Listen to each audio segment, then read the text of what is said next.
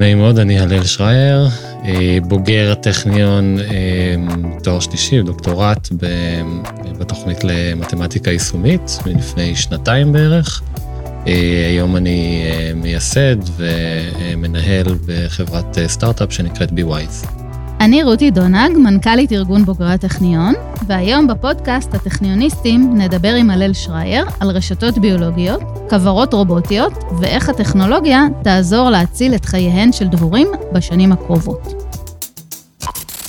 הטכניוניסטים, הפודקאסט החדש של ארגון בוגרי הטכניון. אחרי תואר ראשון משולב במדעי הרוח ובמתמטיקה באוניברסיטה העברית, הלל שרייר רצה לתעל את האהבה שלו למתמטיקה לכיוונים יותר פרקטיים. זה הוביל אותו לעשות תואר שני ושלישי בפקולטה למתמטיקה בטכניון. היום הוא עוסק בניהול כוורות, בסטארט-אפ שהקים עם ארבעה שותפים, BeWise.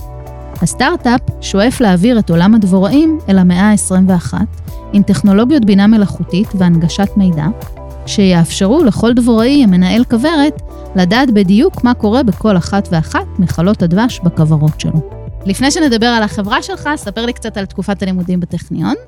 טוב, זאת הייתה תקופה ארוכה של לימודים בטכניון. הייתי פה אה, סדר גודל של שמונה שנים, אני חושב. אה, קודם בתואר שני ואז בדוקטורט.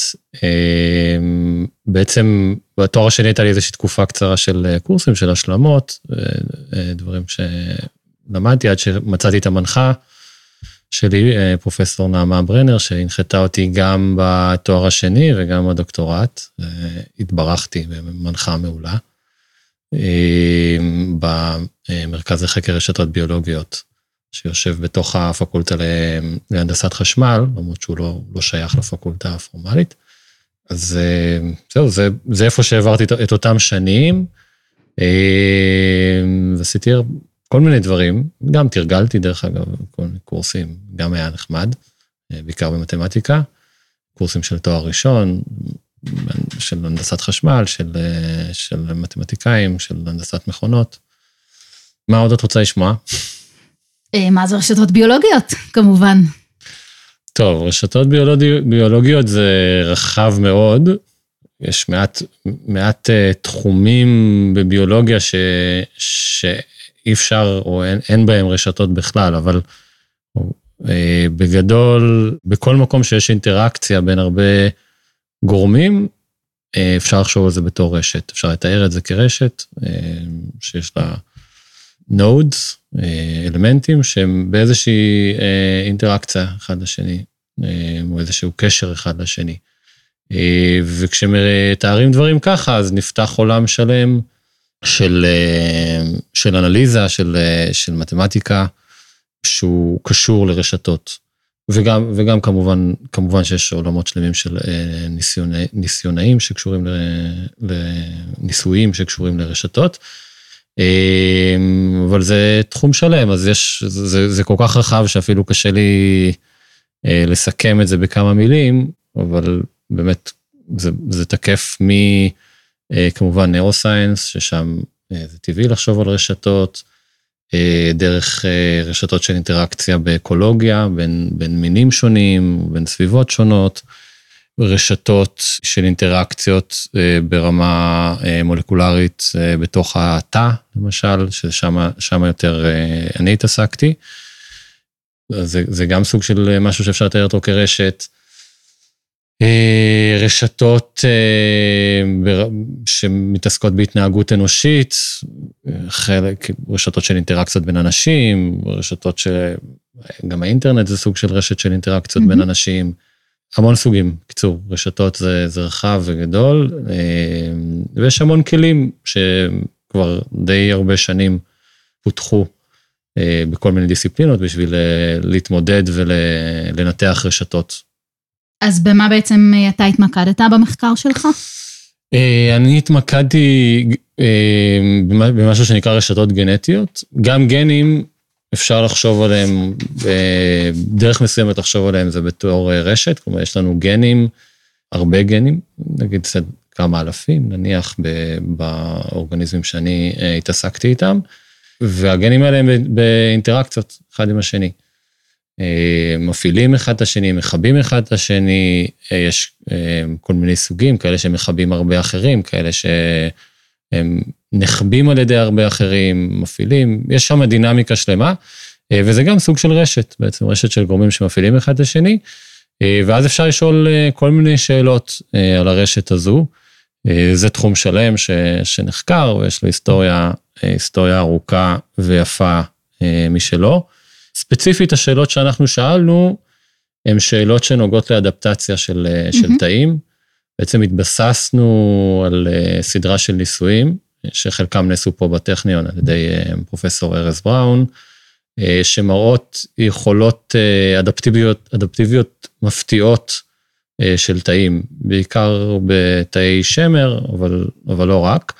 ובעצם משהו, משהו הראה בתאים זה שיש יכולות של, של תאים להסתגל לתנאים חדשים באופן, באופן שהוא לא, או בוא נגיד שהוא סביר, שהוא לא מקודד בצורה ישירה, שהוא איזשהו תהליך יותר של חיפוש ואקספלורציה. ואנחנו בעצם ניסינו להבין איך אפשר להשתמש במודל הזה או ברעיון הזה של רשת גנטית כדי איכשהו לתאר את הדבר הזה. וזה קצת דומה, זה קצת דומה ללמידה מהצד של נאורוסיינס, או מצד, או, או אפילו אפשר לחשוב על זה מהצד של, של מדעי המחשב, של למידה במדעי המחשב, של להראות איך בעצם רשת של, של גורמים שהם באינטראקציה, רשת גדולה של גורמים שהם באינטראקציה מורכבת, יכול, יכולה להתייצב על מצבים חדשים ובעצם ללמוד מצבים חדשים, אבל כל, כל זה מהרמה של הגנטיקה. זה מה שעשיתי, וזה היה בדוקטורט. ומה הצלחתם בעצם להראות במודל הזה? הצלחנו לייצר איזשהו מודל יחסית אבסטרקטי, קונספטואלי, ש, שתופס כל מיני תכונות שהן באמת מאפיינות את אותן רשתות, ומראה שתחת תנאים מסוימים, אכן רשתות כאלה באמת יכולות להסתגל לתנאים חדשים, לאיזשהו תנאי, מצבים חדשים של סטרס, שלא היו מוכרים באופן שהוא לא מקודד, באופן שיש בו אקספלורציה סטוכסטית, רנדומית. אז זה היה מאוד מעניין, זה היה תוצאה מפתיעה ויפה. אז סיימת את הלימודים, והיו כנראה כל מיני אופציות, אבל בסופו של דבר החלטת על סטארט-אפ, איך, איך זה קרה, איך, איך זה נולד? מישהו שגדל איתי ביישוב, שותף שלי בחברה, אליה, אליה רדזינר, התקשר אליי איזה יום אחד, אמר לי, תשמע, יש לי איזה רעיון לסטארט-אפ, אני אה, אוסף כזה כמה חברים, ומישהו סיפר לי שכדאי לי לדבר איתך, ש, שיש לך, ש, שיכול להיות שיהיה לך מה לתרום, ונפגשנו כמה פעמים, ו, ומשם זה פשוט התגלגל. זה ריתק אותי, העולם הזה של הדבורים ריתק שמה, אותי. מה בעצם הוא אמר? זאת אומרת, מה הוא רצה לעשות? מה הרעיון? תראי, הרעיון בעצם התחיל מתוך השטח עצמו, הוא...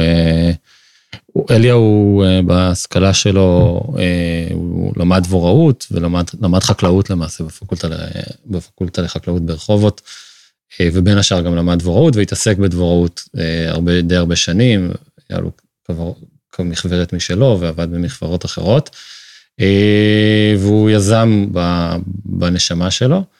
ובאחד הפעמים שהוא עבד עם הכוורות, הוא, הוא פעולות שגרתיות כאלה, כמו למשל להוציא חלות מכוורת ולהסתכל עליהן, לבחון אותן, והיה לו פתאום איזה מין אה, הברקה כזאת של כאילו, רגע, מה שאני עושה פה, ברור שמחשב יכול לעשות הרבה הרבה יותר טוב ממני, הרבה יותר מדויק, אה, ומשם הוא התגלגל עם איזשהו רעיון, אה, שבסופו של דבר הפך להיות אה, למעשה, אוטומציה אה, כמעט מלאה של, המחבר, של המכוורת, שאני בכוונה אומר מכוורת ולא כוורת, כי אנחנו לא מסתכלים על כוורת בודדת, אלא על קבוצה של כוורות. אה, המוצר שלנו ספציפית הוא מה שנקרא בשפה המקצועית אה, נקודת מרעה, שזה כמה מממ-הממ. עשרות כוורות מאוגדות במוצר אחד, ובעצם אנחנו יכולים לעשות באמצעים טכנולוגיים, אה, הרבה ממה שהדבוראי עושה. אה, יש לנו אה, רובוטיקה שמחליפה את הידיים של הדבוראי, ויש לנו computer vision שמחליף את העיניים שלו והמוח שלו, ויש לנו AI שמחליף את המוח. של הדבוראי, ובעצם אנחנו יכולים לעשות הרבה מהפעולות שהדבוראי עושה, יכולות לקרות או אוטומטית או מרחוק בעזרת אינפוט של הדבוראי, וזה בעצם מאפשר לנו גם uh, לטפל בבעיות שעולות בכוורת בצורה הרבה יותר, הרבה יותר נכונה והרבה יותר רציפה. היום, היום התחום הזה הוא בעצם תחום שסובל ממחסור משמעותי בכוח אדם. Mm-hmm. זה אומר שדבוראים מסחריים, הם רואים את הכוורות שלהם מאוד מעט, ודוגמים אותם, דגימה סטטיסטית, כלומר, הם יפתחו כוורת או שתיים בנקודת מרעה ויסיקו מזה על כל הכוורות. הם מפספסים המון דברים, והרבה מהתמותה היא בעצם תוצאה של פספוס, אה, שהם לא, לא עולים על בעיות בזמן. אה, מה שאנחנו בעצם מאפשרים, זה מאפשרים, אה, זה כמו דבוראי פר כוורת 24/7, כלומר, mm-hmm. אפשר לעשות טיפול רציף, אפשר לעלות על בעיות בזמן, אפשר לעשות טיפול פרטני, שהוא פר כוורת, מה שנקרא חקלאות מדייקת, וזה משפר משמעותית את הבריאות של הדבורים, אה, הרבה פחות דברים מתפספסים והרבה פחות דבורים מתות, אה, וזה גם כמובן חוסך הרבה כוח אדם וגם מעלה את התפוקות באבקה ובדבש, אה, זה הרבה טוב. זה אומר שבמקום ש... שהוא ילך ויוציא את חלת הדבש בידיים, נכון? הוא כבר לא צריך לעשות נכון. את זה בכלל. יש משהו אחר שמסתכל פנימה ואומר, כן, אז... ומציג את הנתונים וגם מנתח אותם? אז אה, יפה, קודם כל מה שאמרת הוא נכון, בגדול, יש אה, בעצם אה, גם משהו שמנטר את הכוורות באופן mm-hmm. רציף, מציג לדבוראי את הנתונים וגם מציע לו, מציע לו הצעות אופרטיביות. בשלב הזה כיום הדבוראי הוא עדיין זה שמקבל את ההחלטות. Mm-hmm. הוא מקבל את הנתונים והוא מחליט מה עושים איתם. כן, כן, הוא מקבל את הנתונים, מחליט מה עושים איתם, והמערכת שלנו יכולה להציע לו כל מיני הצעות, mm-hmm. אבל גם הקב... הנתונים שהוא מקבל הם הרבה הרבה יותר מדויקים, הרבה יותר מפורטים ורציפים ממה שהוא היה מקבל בעבר.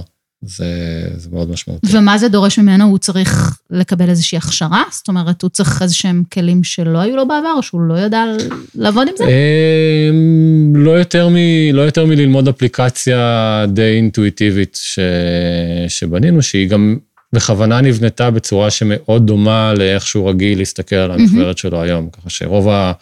רוב הדבוראים שאנחנו ניגשים אליהם עם זה ומראים להם את האפליקציה, הם ישר מבינים, הם כאילו, אה, אוקיי, ברור, זה, הנה הכוורות, mm-hmm. הנה החלות, זה ולד, זה אבקה, זה דבש, הם, הם קולטים את זה מיד, כי זה מאוד דומה לאיך שהם חושבים, שגם בתחום של המוצר, אה, והניהול מוצר בעצם אה, הייתה גם המון התייעצות עם, עם mm-hmm. לקוחות כמובן, וגם אליה הביא את הרקע שלו מתוך התחום, אז זה מאוד מאוד אה, דומה ומזכיר את איך שדבוראים היום מסתכלים על הכוורות שלהם. וזה בעצם אה, חומרה שנכנסת לתוך כוורת קיימת, או שאתם לא. מביאים מוצר חדש לגמרי? לא, זה מוצר חדש לגמרי, זאת פלטפורמה חדשה לדבוראות. היא לא כוורת בודדת, כמו שאמרתי, היא קבוצה של כוורות, בין 20 ל-30, וה... וזה חומרה חדשה לגמרי. כלומר, יש שם הסביבה הבסיסית של הדבורה לא משתנה, כלומר, הכוורת היא, היא דומה מבפנים לאיך שהדבורה היום, איך שכוורות היום אה, אה, עובדות, אה, אז מבחינת הדבורה זה דומה, אה, אבל הממשק הוא אחר לגמרי, אה, בנוי אחרת, אה, מסודר אחרת במרחב, אה, מתאים ל, לרובוטיקה היהודית ש, ש, שבנינו ותכננו. Mm-hmm. זה משהו חדש, זה פלטפורמה חדשה, זה נראה אחרת. אה, לא יודע אם יצא לך לראות באתר שלנו, זה משהו אחר. מעולה. אה, אז זה כבר נמצא בעצם בשימוש, נכון? זאת אומרת, אפשר כן, להזמין. יש, כן, יש, יש, יש לנו המון הזמנות של דבוראים. כרגע המוצרים שלנו עוד נמצאים בארץ, בדיוק עכשיו אנחנו מדלברים מוצרים ראשונים בחו"ל, בארצות הברית. אז יש לנו אה, מוצר, יש לנו אה, כוורות כאלו, אה, אנחנו קוראים לזה בי-הומס, כל מיני מכוורות בארץ, אם זה יד מרדכי, דן, מכוורת שי ספקטור, יש כמה מכוורות גדולות mm-hmm. שמשתמשות במוצר שלנו, וכבר עובדות בעצם עם עוד עם ורסיות קודמות שלו כבר כמה זמן, ועכשיו עם, עם עוד ורסיה חדשה שהוצאנו לא מזמן. והדבורה עצמה, היא חשה איזשהו הבדל, שהיא פשוט חיה בבית האח הגדול של הדבורים ולא יודעת אה, כלום. כאילו, מה קורה שם? קודם כל, אני לא יודע מה הדבורה חשה. אוקיי. אה, לא נראה לי שיש מישהו שבאמת יודע. אה, אבל אבל מבחינת, מבחינת ההתנהלות היא- בכוורת היא די דומה, או אפילו זהה למה שהיה. חוץ מזה שבאמת הטיפולים, או הפעולות שדבורי עושה כדי לחזק את הכוורות, או לשמר אותן, קורות באופן אה, אחר. עם, עם, עם, קורות פחות פעולות מיותרות ויותר פעולות מועילות, הייתי. אומר. מבחינתך זה לטובה. אה, זה לטובה. כוורות חזקות, אה, אז אני לא יודע אם דבורה שמחה כשהכוורת שלה חזקה, אני, אני אולי כן, אז אם, אם הם כן, אז, אה, אז נדרש אולי הם מחקר שמחות. בתחום. כן. אתה יכול לתת דוגמה למשהו שקרה בזכות המוצר ושתרם תרומה משמעותית? ככה דוגמה קונקרטית? כן, הורדנו את אחוזי הפחת אה, באופן דרמטי. אם היום ב... במכוורות כבר הגענו למצב שיש אה, מכוורות מסחריות, 30-40 אחוזי פחת, במקומות מסוימים כבר 50 אחוזי פחת, אז אה, אצלנו זה היה אה, מספרים חד ספרתיים. אחוזים מה הכוונה חד-ספרתיים. אחוזי פחת? אחוזי פחת זה אומר אה, כוורות שמתות כל שנה. מהמם. כלומר, דבוראי מסחרי היום, אה, דבוראי טיפוסי, אה, מכוורת גדולה, יתחיל את השנה סתם, לצורך העניין, עם אה, נניח אה, אלף, דבור, אלף כוורות, אה, ויסיים אותה עם אה, 600, נניח, בסוף השנה, ואז הוא עושה כל מיני פעולות כדי לכפר על הפחתים האלה, הוא מפצל אה, כוורות, הוא יביא עוד אה, דבורים ועוד כוורות, הוא עושה כל מיני פעולות שהן עולות לו הרבה בזמן ובכסף, אה, וגם בעצם מחלישות את, ה, את, את סך כל הכוורות שלו, כדי איכשהו לכפר על אותם פחתים. אה, אז אנחנו הצלחנו להוריד דרסטית בפחתים. הראינו תפוקות מאוד מאוד יפות של, אה, של דבש אה, והאבקה. אה, משמעותית יותר ממה שיש היום בכוורות כוורות, ביקורת הסטנדרטיות ש, ש- שבדקנו מול המוצר שלנו באותם מקומות, באותם אזורים, באותם תנאים. אז אלה הדברים, וכמובן חיסכון בכוח אדם. ומה הסיבות בעצם לתמותה הגדולה שמתקיימת? זאת שאלה טובה, יש לזה כל מיני סיבות. כל מיני סיבות, אה, נהוג אה, לייחס את זה למזיקים חדשים שהתפשטו, אה, שזה אולי הסיבה המרכזית. אה, שינוי אקלים, ריסוסים חקלאיים שלא היו פעם והיום יש יותר, צפיפות, צפיפות של אזורים חקלאיים, פחות, פחות שטחי מרעה. אה, יש לזה כל מיני סיבות. אה, יש שאומרים שגם לא כל הסיבות ידועות, יש, יש אה, הרבה, הרבה דיונים על הדבר הזה. אנחנו רואים ש, שהרבה מזה קשור למזיקים. אם אתה מטפל טוב ונכון במזיקים, אתה יכול למנוע המון מה, מהפחתים. שזה מה שהמוצר שלכם עושה בעצם, מזהה את ה... ובין השאר הוא מזהה? מזהה מזיקים ומחלות, כן. ואז מטפל בהם מוקדם ואז יותר. אפשר לטפל יותר מוקדם, כן. ואיך ה- ה- העניין של האבקה בעצם משפיע, משפיע על העולם? כן, לא דיברנו על זה. אה, דבורים, מעבר לדבש, שזה נחמד, אה, יש להם השפעה דרמטית על, ה... אה, על שרשרת המזון. מהמם. אה, שרשרת המזון ש... שאנחנו, אה, שאנחנו צורכים. המון מהגידולים תלויי האבקה, אה, תלויים בהאבקה, בכלל האבקה, וספציפית בהאבקה של דבורים. דבורים זה ב... בהפרש המאביק הכי משמעותי והכי נפוץ בחקלאות. אה, מכל מיני סיבות, אפשר, אפשר קצת לדבר עליהן אם תרצי, ו, ולמעשה אפשר, אפשר, אפשר לומר שכל אה, אה, כל ביס שלישי שאנחנו אוכלים הוא מקורו בדבורה שביקרה בפרח. 70 אחוז מהפירות, ירקות, דגן, אה, אגוזים, הואבקו על ידי דבורים. זה, זה דרמטי. אז כשיש משבר כמו, כמו שיש עכשיו, כשיש מהמם. משבר בתחום הזה של הדבוראות, מרגישים את זה בעצם לכל אורך שרשרת האספקה של המזון.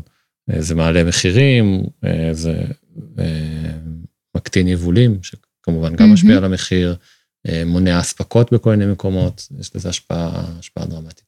ואתם רואים איזשהו שינוי או שזה מוקדם מדי?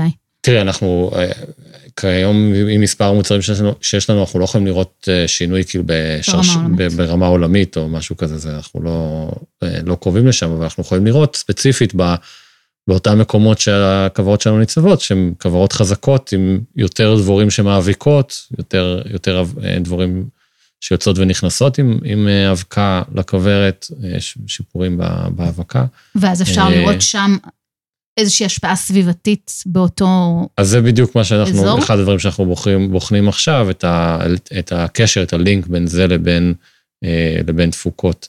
זה משהו שקשה, לא, לא תמיד קל לבחון אותו, אבל אה, זה אחד הדברים מממ-הממ. שאנחנו עכשיו אה, בדיוק בוחנים. הטכניוניסטים. אני אשמח אם תפרט קצת על הרובוטיקה ועל מה קורה איתה בתוך הכוורת עצמה. תראי, אנחנו כשאומרים רובוטיקה, אנחנו מדמיינים איזה science fiction או משהו מאוד אה, כאילו סופר אה, מתוחכם. בסופו של דבר, אה, הרובוטיקה אצלנו היא, היא לא מאוד מסובכת. כמובן שכל דבר, תמיד הנדסה זה דבר מורכב, ויש שם את האתגרים, את האתגרים של זה. אה, אבל בגדול, אם היא בעצם מחקה את הפעולה הכי בסיסית שדבוראי עושה היום במחברת שלו, שזה לשלוף, להוציא חלות מכוורת. המון המון מה, מהפעולות שדבוראי עושה, אם זה אה, ניטור, אם זה להעביר חלות מכוורת לכוורת, אם זה אה, לחזק כוורות חלשות עם, עם אה, חלות מכוורות חז, חזקות, אם זה להעביר כוורות לרדייה. המון מהפעולות האלה בסופו של דבר מתמצות בלקחת ולשלוף אה, חלות מתוך אה, כוורות. Mm-hmm. אה, וזאת בעצם הפעולה הכי בסיסית שהרובוט שלנו יודע לעשות. הוא מסתובב שם בתוך הכוורת וזה מה שהוא עושה? לא, הוא לא מסתובב בתוך הכוורת, הוא אה, נמצא מחוץ לכוורות ויודע בעצם להוציא, להוציא ולהכניס אה, חלות. וזה תהליך אוטומטי או מבוסס על מידע שהוא יש, קולט? אז תלוי, יש לזה פן שהוא אוטומטי, פן של ניטור קבוע, לפי כל מיני סקייג'ואלים שאנחנו קובעים. ויש לזה פן שהוא על פי דרישה בעצם של, ה, של מי שמפעיל את, mm-hmm. את המכוורת, שזה הדבוראי. אוקיי. אמ, הסברת פה משהו על הרובוט מחסן או משהו בסגנון הזה. כן, דרך, דרך מסוימת אה, להסתכל על זה, זה קצת כמו באמת אה, רובוט, אה, רובוט של ניהול מחסן. אה, יש היום זה תחום שלם ברובוטיקה, אה, ניהול מחסן, אז, אז זה קצת דומה לזה, זה בעצם רובוט אה, קרטזי ש... יודע להסתובב במרחב, עם לו שלושה צירים, ארבעה, עם כולל הציר סיבוב, והוא יודע, אה, כמו שאמרתי, לשלוף את אותם חלות, אז אפשר לחשוב עליהם בתור מין, קצת כמו מין מחסן כזה. Mm-hmm. ספרייה בעצם של, של כוורות וחלות, שהוא יודע לנהל אותה ולשלוף משם את החלות. ומה מבחינתכם השלב הבא? זאת אומרת, היום בעצם הדבוראי עדיין יש לו תפקיד משמעותי, אתם חושבים שזה משהו שישתנה בעתיד? תראי, הדבוראי היום הוא זה שהדבוראים הם אלה שיש להם את הידע. Mm-hmm. וזה לא ישתנה כל כך מהר, אה, וזה ידע, ידע עתיק למעשה. האנושות מגדלת דבורים כבר אלפי שנים, אה, והידע הזה הולך ונצבר. כמובן שיש את הדבוראות מודרנית, ודבוראות עתיקה הם לא בדיוק אותו דבר, אבל זה, בגדול זה ידע אנושי שהולך ונצבר, ויש שם הרבה ידע אצל הדבוראים שלא בקלות, או כלומר, לא, לא יהיה קל להחליף אותו, לוותר עליו, אז אה, אנחנו לא רואים אה, דבוראים, להפך, אנחנו אה, רואים דבוראים כ, כחלק מרכזי, נגיד, מה, מהמוצר mm-hmm. שלנו, בעתיד הנראה לעין. אולי אפשר להחליף את הדבורה בדבורה רובוטית. כן, זה יהיה קשה קצת. זה יהיה קשה. זה יהיה קשה. אתה יכול לחלוק איתנו קצת אתגרים טכנולוגיים שהייתם צריכים להתמודד איתם בפיתוח? יש המון. קודם כל, ביולוגיה זה דבר מורכב, עם אה, מאוד לא צפוי, עם המון משתנים, אז ברגע שיש לך ממשק עם ביולוגיה, אתה כבר אה, במקום מאתגר. אה, אז יש המון דברים שונים ומשונים לגבי איך שדבורים מתנהגות ואיך שכוורות מתנהגות כמכלול, שמאתגרים מבחינה הנדסית, מבחינה טכנולוגית. היה שם אתגר מעניין, מעניין ב computer vision, אה, לייצר בעצם תוכנה ש, שיודעת לזהות טוב מה קורה על החלות. אה, ואחד אחד השותפים שלי, אה, בועז, שהוא גם בוגר הטכניון, דרך אגב. איזה פקולטה? מהנדסת חשמל, תואר שני. תן, תן להם את הקרדיט, תן להם את כן. הקרדיט, בועז פטרסיל, כן. אחד השותפים שלי בחברה, הוא, הוא בעצם היה האיש שאמון על ה computer vision אצלנו. עשה עבודה מדהימה. עדיין עושה, שזה, זה ongoing, אבל זה כבר, זה כבר עובד יפה. אז יש שם הרבה, הרבה עבודה בצד הזה. כמובן, הרבה עבודה תשתיתית של תוכנה, אם זה מרמת ה firmware, ממש כאילו מה שקורה בסייט עצמו, במכונה עצמה, ועד למה שקורה בענן ומה שקורה בצד של האפליקציה, כאילו זה, זה יש שם הרבה עבודה. אה, והמון עבודת, אה, כמו שאמרתי, המון עבודת הנדסה, המון עבודת, אה, עבודה של הנדסת מכונות עדינה ומורכבת, ומצד שני, זה מוצר חקלאי שאמור להיות יחסית זול, ולשבת mm-hmm. בשטח בכל מיני תנאים לא, לא תמיד הכי פשוטים, ולהיות, מעבירים אותו ממקום למקום, אז מבחינה הנדסית, יש המון המון אתגרים, המון דברים לפתור, וצריך להיות גם עצמאי מבחינה אנרגטית בשטח, זה, זה עוד אספקט. אז יש פה, יש פה הרבה מורכבויות, אה, ויש לנו צוות מדהים של מהנדסים שעובדים בחברה. צוות רב-תחומי, נכון? צוות רב-תחומי, כן, יש... אה, בגדול זה מתחלק לחומרה, בתחום של ההנדסה לחומרה ותוכנה, כמובן, אה, אבל בתוך זה יש, יש תתי צוותים בכל מיני תחומים, וזה מאוד מעניין. בקיצור, קוראים שם הרבה דברים יפים. אז אמרנו דבורים רובוטיות לא, דבוראים רובוטים גם לא. מה בכל זאת אה, אתם רוצים אה, להשיג? בעתיד? תראי, עצם המוצר שלנו זה מוצר שלוקח משהו שהוא ממש ממש אה, אחורה מבחינה טכנולוגית, ומביא אותו קדימה. אז עצם הדבר הזה, זה גם מספיק אתגר ומספיק מהפכה כדי, זה, זה מספיק, כדי להחזיק אותנו הרבה זמן. לצורך העניין, כאילו, אני תמיד... אה, זה כמו שהיו, זה, זה כמו לגדל אה, חיטה בלי קומביין, או בלי mm-hmm. מערכת השקיה מודרנית, כלומר שהכל מושקה בתעלות, וקוצרים את הכל עם אה, מגל ועם חרמש ידני. Mm-hmm. זה, זה איפה שהתעשייה הזאת נמצאת היום. אז זה מישהו, את יודעת, אם מישהו היה פעם ראשונה מפתח את ההשקיה המודרנית, פעם ראשונה מפתח את הקומביין, זה, זה הרבה. אז, אה, אז אנחנו שם, כלומר, זה, זה, mm-hmm. זה, זה מספיק. אה, זהו, זה, זה בסך הכל ב, לשפר את המוצר בגדול, כאילו, יש עוד המון. Mm-hmm. אחר כך תמיד אפשר, יש לנו כבר רעיונות הלאה, כל מיני דברים יותר מעניינים ומתוחכמים שאפשר לעשות בפנים, ויש המון מה ללמוד, ויש המון דאטה שיאסף, כי עכשיו אנחנו בעצם אוספים דאטה מטורף שלא היה כזה בתחום של דבוראות אה, ברמת רזולוציה מאוד מאוד גבוהה, אה, על פני הרבה מאוד כוורות באזורים גיאוגרפיים שונים ומשונים.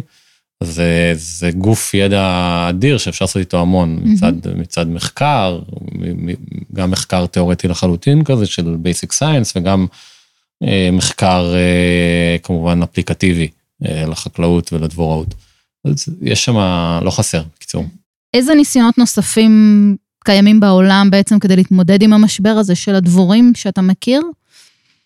אז אה, יש, יש, כל, יש אה, כל מיני סוגים של ניסיונות, אז זה החל מארגונים שאוספים אה, מידע על תמותת דבורים, ומנסים לעודד מודעות לזה, ומנסים לעודד שינויים בחקלאות, ומנס, ושתילה של, או, או שינויים באיך ש...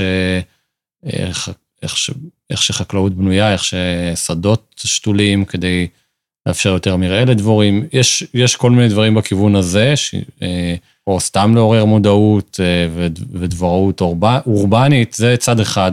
אה, כל הצד של, של איסוף מידע, מודעות לבעיה וכן הלאה.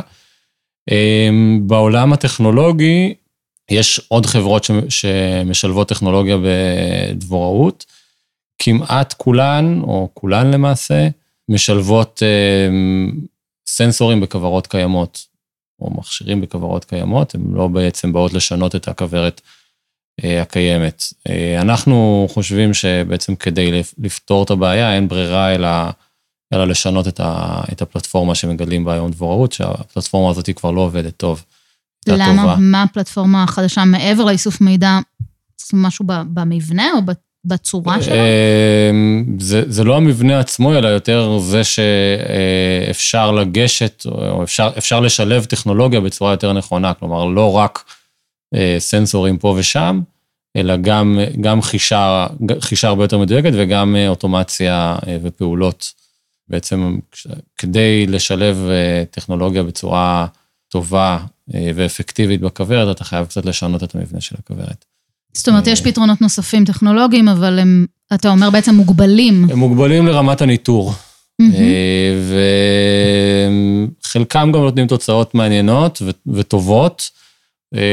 הבעיה עם זה שאין הרבה מה לעשות עם זה. היום דבוראי מסחרי שמגדל 5,000 כוורות נניח, ופתאום הוא מקבל איזו התראה שאיזה כוורת באיזושהי נקודת מרעה שמרוחקת מאיפה שהוא נמצא, שלוש שעות נסיעה במצוקה, אין לו מה לעשות, אין לו את הכוח אדם לשלוח מישהו לטפל בכוורת אחת, הוא לא יעשה את זה גם. אז אין הרבה מה לעשות עם מידע. מהסוג הזה, אם אין לך דרך אה, בעצם לעשות פעולות גם מרחוק. Mm-hmm. וזה איפה, ש... איפה שאנחנו נותנים עוד אה, ערך, ערך מוסף משמעותי. וגם הניטור, הניטור שאנחנו נותנים הוא ניטור מאוד מאוד מדויק ומאוד ממצה של הכוורת. המוצר שלכם הוא בעצם יחיד מסוגו? כן, עד כמה שאנחנו יודעים, כן. כיוונים נוספים שאפשר לקחת אליהם את הטכנולוגיה הזו? זו שאלה טובה.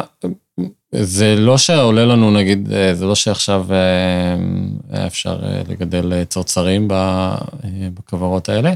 כשאני חושב על כיוונים נוספים שאפשר לקחת את הטכנולוגיה הזאת, זה באמת יותר כיוונים שקשורים לדאטה, למידע שנאסף, לניתוח של המידע שנאסף, שנאסף, מה אפשר ללמוד מזה, גם ברמה של מדע וגם ברמה יותר פרקטית כזו של אקולוגיה, של, mm-hmm. של חקלאות. אה, של, אה, של תפוקות, של לחזות תפוקות, אה, יש המון דברים שאפשר לעשות בעצם עם, ה, עם המידע שאנחנו אוספים, שאני מקווה שגם נגיע לעשות את זה, אבל זה mm-hmm. עוד שלב אחד הלאה. אז זה נשמע שהסנטימנט ככה שדיברנו עליו קודם, של לקחת את המתמטיקה למקומות יישומיים, זה... אתה שם. כן, כן, כן, אני לא יכול להגיד שהיום אני עושה המון מתמטיקה במה שאני עושה, אני עושה הרבה אופרציה, mm-hmm. ועכשיו אה, אה, גם אה, מחקר, אבל אני חושב שחשיבה אנליטית, בוא נגיד, חשיבה אנליטית היא תמיד, תמיד עוזרת בסוג כזה של, כשאתה רוצה להרים משהו, כשאתה רוצה ל... לבצע משהו, אז חשיבה אנליטית היא שימושית מאוד. עצות לסטודנטית המתחילה או לסטודנט. זה מביא אותנו אה, בקלות לפינתנו עצות אה, לסטודנטית או לסטודנט המתחילים, אז אה, א', חשיבה אנליטית זה טיפ, אבל אה, אם אפשר עוד... אה... כן, אבל לא אנליטית מדי. אה... כן, לא בטוחה שזה בשליטה, אבל... אה... לא, זה לא בשליטה, אבל אה, לזכור, כאילו, אני לא עשיתי את התואר הראשון שלי פה בטכניון. עשיתי אותו במקום אחר. שהיה מבחינתי מאוד רחב ומלא אושר, מלא דברים מעניינים, שהם לא היו קשורים לא, לאו דווקא למדע ולהנדסה. אז חשוב מאוד, זה נתן לי לא פחות ואולי יותר מ... מה, נגיד מהמתמטיקה שלמדתי, לצורך העניין. אז זה מה שאני יכול להמליץ לסטודנטים של התואר הראשון בטכניון. שיזכרו. לפתוח אופקים. כן, כן, כן, שיזכרו ש... שיש עוד הרבה דברים אה, מחוץ להנדסה ולמדע. מה זה עבורך להיות בוגר טכניון? מה זה בשבילך להיות בוגר טכניון? אמ, אני לא יודע, האמת, מה זה להיות בוגר טכניון. זה שימושי, כאילו, זו שורה אה, יפה ב-CV כמובן, אנשים אה, מגיבים לזה טוב, יש לה מוסד הזה רפיוטיישן אה, טוב. בשבילי זה יותר מה שלקחתי איתי מפה. האנשים שפגשתי ב... איפה שהייתי, במרכז לחקר רשתות ביולוגיות, הם חוקרים מדהימים. הם אנשים עם התלהבות אמיתית, אה, בסיסית, ילדית למדע. אנשים שיכולים אה, להתווכח בלעד במסדרון על מה שהם עושים. וזה זה בשבילי, זה, זה היה מדהים לראות את זה, לראות את הפאשן הזה, את התשוקה הזאת mm-hmm. לחקר ולידע שהיא תשוקה שבאה מתוך פליאה בסיסית כזו. אז את זה לקחתי איתי, את הדבר הזה יותר מכל דבר אחר. זהו. מה קיבלת בטכניון שלא היית מקבל בשום מקום אחר. מה קיבלת בטכניון שלא היית מקבל בשום מקום אחר? Mm. אני לא יודע, האמת. אה, מלגה, סתם. אני רגילה לתשובה הזאת, כן. אני לא יודע, כי לא למדתי בשום מקום אחר. כן, לא למדתי בשום מקום כן. אחר. אה, לא, אמרתי בצחוק מלגה, אבל אה, היו פה תנאים טובים, כאילו היה יחסית אה, נוח אה, ללמוד. אה, אני לא יודע אם, גם במקומות אחרים כנראה זה מתקיים ברמה כזו או אחרת. אה, מה שאמרתי קודם, קיבלתי, נחשפתי לחוקרים מאוד טובים, שמאוד אוהבים את מה שהם עושים, ו... ועם המון תשוקה אה, לחקר. אני לא יודע אם זה לא היה במקום אחר, אני מתאר לעצמי שזה קיים גם במקומות אחרים. זה, אהבתי לתרגל, גם במקומות אחרים, יכול להיות שהייתי נהנה לתרגל, האמת. אז אני לא יודע להגיד אם יש דברים שאני יכול להצביע שהם ספציפיים ל- לטכניון, אה, שלא היו במקומות אחרים, אה, אבל זה היה בית טוב להיות בו אה, כמה שנים. מתגעגע לפעמים. זה חשוב. ועכשיו, השראה טכניונית. לקראת סיום רציתי לבקש ממך אה, שתציין בוגר או בוגרת שהם אה, השראה עבורך. מישהו שאתה מכיר אישית או לא אישית. טוב, אז אה, קודם כל החוקרים שציינתי קודם, אז הרבה מהם הם, הם צמחו פה באיזשהו שלב, אם זה בדוקטורט, אם זה קודם. באמת מי שבתקופה היה ב, ב, עמד בראש המרכ... המרכז לחקר רשתות ביולוגיות, אה, פרופסור אה, שמעון מרום. הוא מישהו שאני מאוד אה, אוהב ומעריך, גם מעבר לעשייה המדעית שלו, גם הדברים שהוא כתב ו- והתכנים שהוא, שהוא מתעסק בהם, שהם מעבר למדע עצמו. שהוא גם רופא נדמה לי, נכון? הוא גם רופא בהשכלה שלו, כן. כן, הוא שייך גם, הוא היה שייך גם לפקודה לרפואה, נכון. תודה רבה, הלל, תודה לך, היה כיף. גם לי, ותודה לכן ולכם על ההאזנה. אנחנו הטכניוניסטים, הפודקאסט של ארגון בוגרי הטכניון. תוכלו למצוא אותנו בכל יישומוני הסטרימינג וההסכתים. שם אפשר להאזין לכל הפרקים ולהירשם לקבל עדכונים על פרקים חדשים. אם גם אתם רוצים להשתתף בפודקאסט שלנו, צרו איתנו קשר דרך אתר ארגון בוגרי הטכניון. אני רותי דונג, להתראות. הטכניוניסטים, הפודקאסט החדש של ארגון בוגרי הטכניון. הטכניוניסטים, זמין להאזנה בספוטיפיי, דיזר, אפל פודקאסט, גוגל פודקאסט ובאתר ארגון בוגרי הטכניון.